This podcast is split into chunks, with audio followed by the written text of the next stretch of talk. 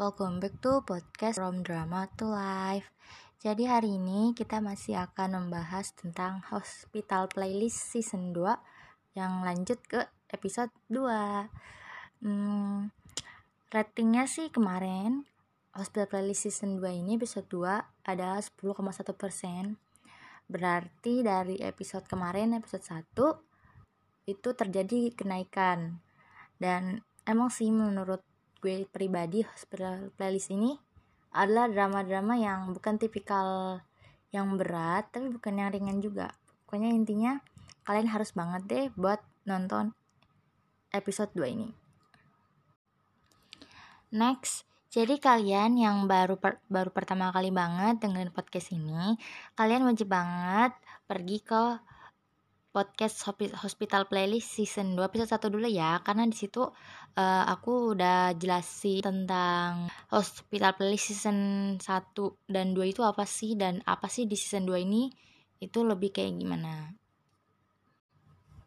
Just kita mulai.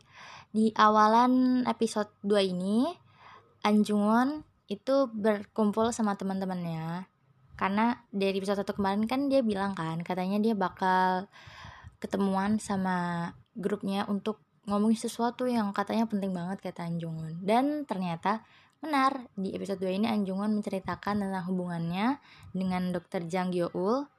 Dan ekspresi teman-temannya tuh kayak excited banget kayak bahagia. Akhirnya Anjungun ini kan nggak jadi pastor lagi dan tetap bekerja sebagai dokter anak di hospital playlist ini.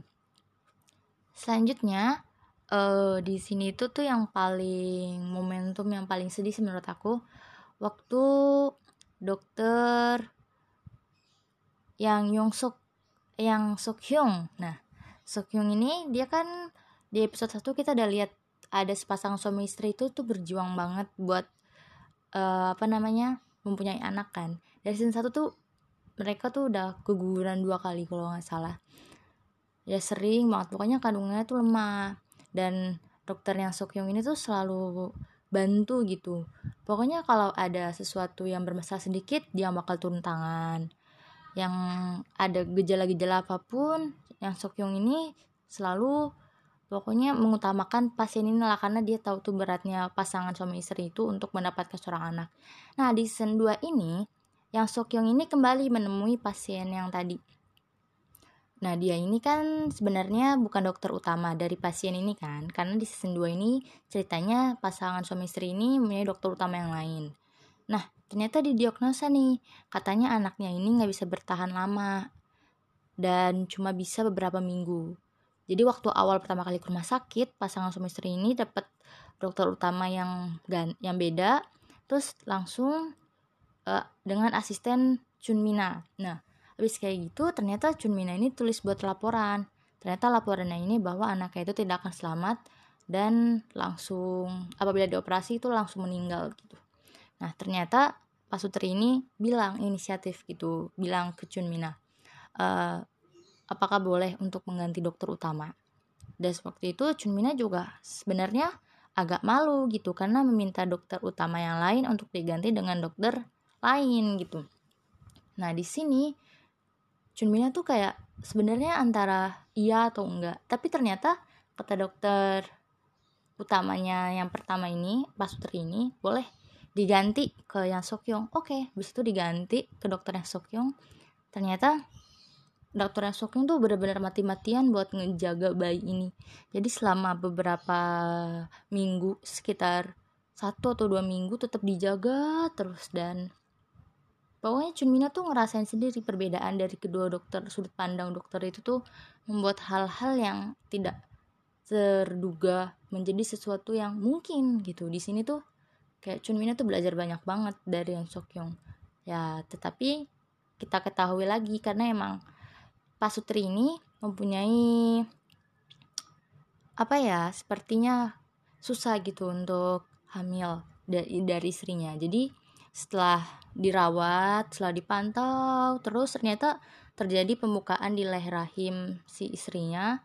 Sehingga waktu itu yang Sokyong itu udah bener-bener apa namanya dia itu bener-bener mati-matian buat operasi buat seenggaknya kakinya tuh jangan keluar gitu dari dinding lah rahim si istrinya. Dan ternyata udah diusahain udah usaha tetap aja.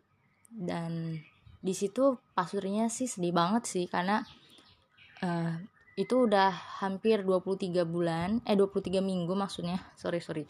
23 minggu di kandungan istrinya dan akhirnya waktu bayi itu lahir langsung meninggal. Dan tapi di situ pas sutrinya sedih sih emang awalnya sedih tapi lama-lama dia ngirim surat ke yang Sokyong katanya seperti ini. Pokoknya menunjukkannya tuh kayak seakan-akan berterima kasih telah menjaga buah hati mereka gitu meskipun gagal hidup di dunia ini. Tapi mereka katanya kalau nanti mereka ingin punya anak lagi tolong yang Sukyong ini diharapkan untuk menjadi dokter utamanya lagi. Dan di situ uh, gue sendiri ya pribadi kayak ngerasa bener sih pandangan orang atau perlakuan setiap orang tuh beda-beda. Jadi ya jangan disamain setiap orang karena kita nggak tahu setiap orang tuh tipe-tipenya tuh kayak gimana lanjut uh, buat yang kedua ini dialamin sama dokter Che Songwa Nah, di sini dokter Che Sungwa ini kan dia dapat pasien katanya, seorang pemain violin kalau nggak salah, termuda yang ada di Korea gitu kan. Dan ini menderita penyakit gitu.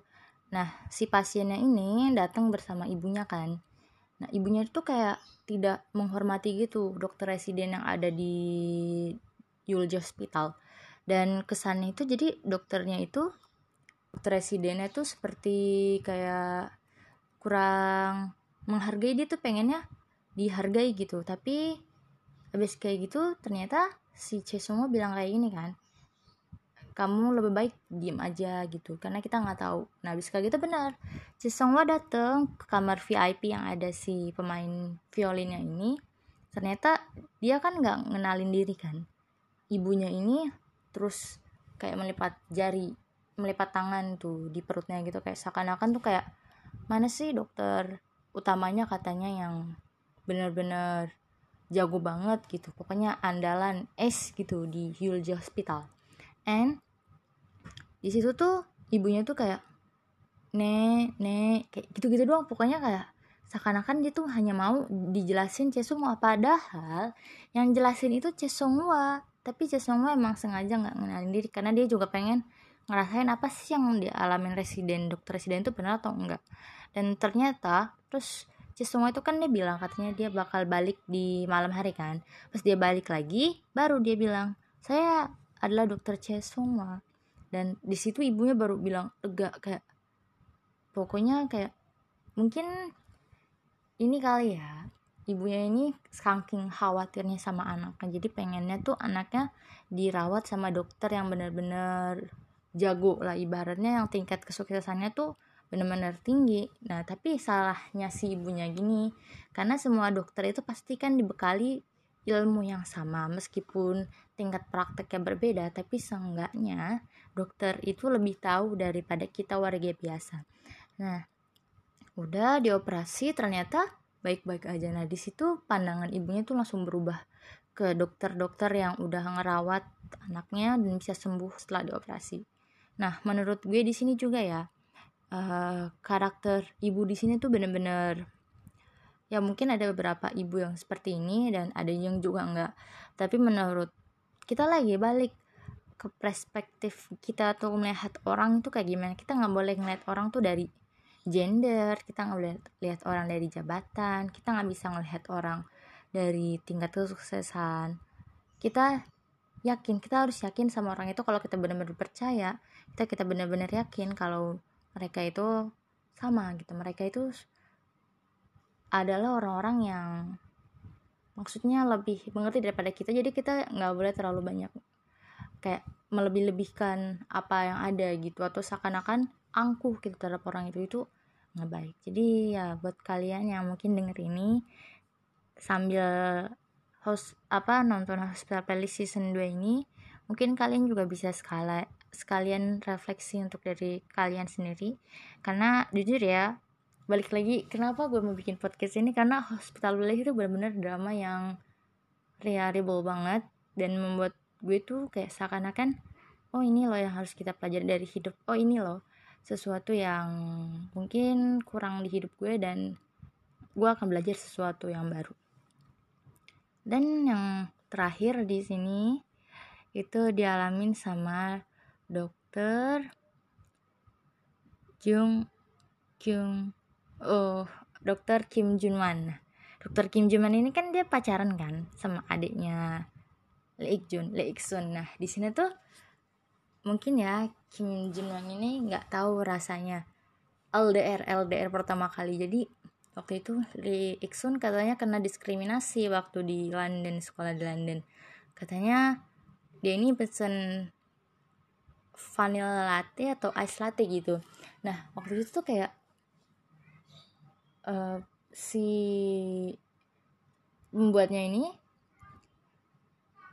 yaitu pembuat kopinya ini katanya kayak please apa yang kayak seakan-akan tuh nanya apa yang kamu pesan padahal Iksun udah bilang vanilla latte please kayak gitu. Tapi ya mungkin kan aksen Korea ya. Jadi kan ada beberapa aksen yang kalau kita ngomong bahasa Inggris tuh masih dia melekat gitu.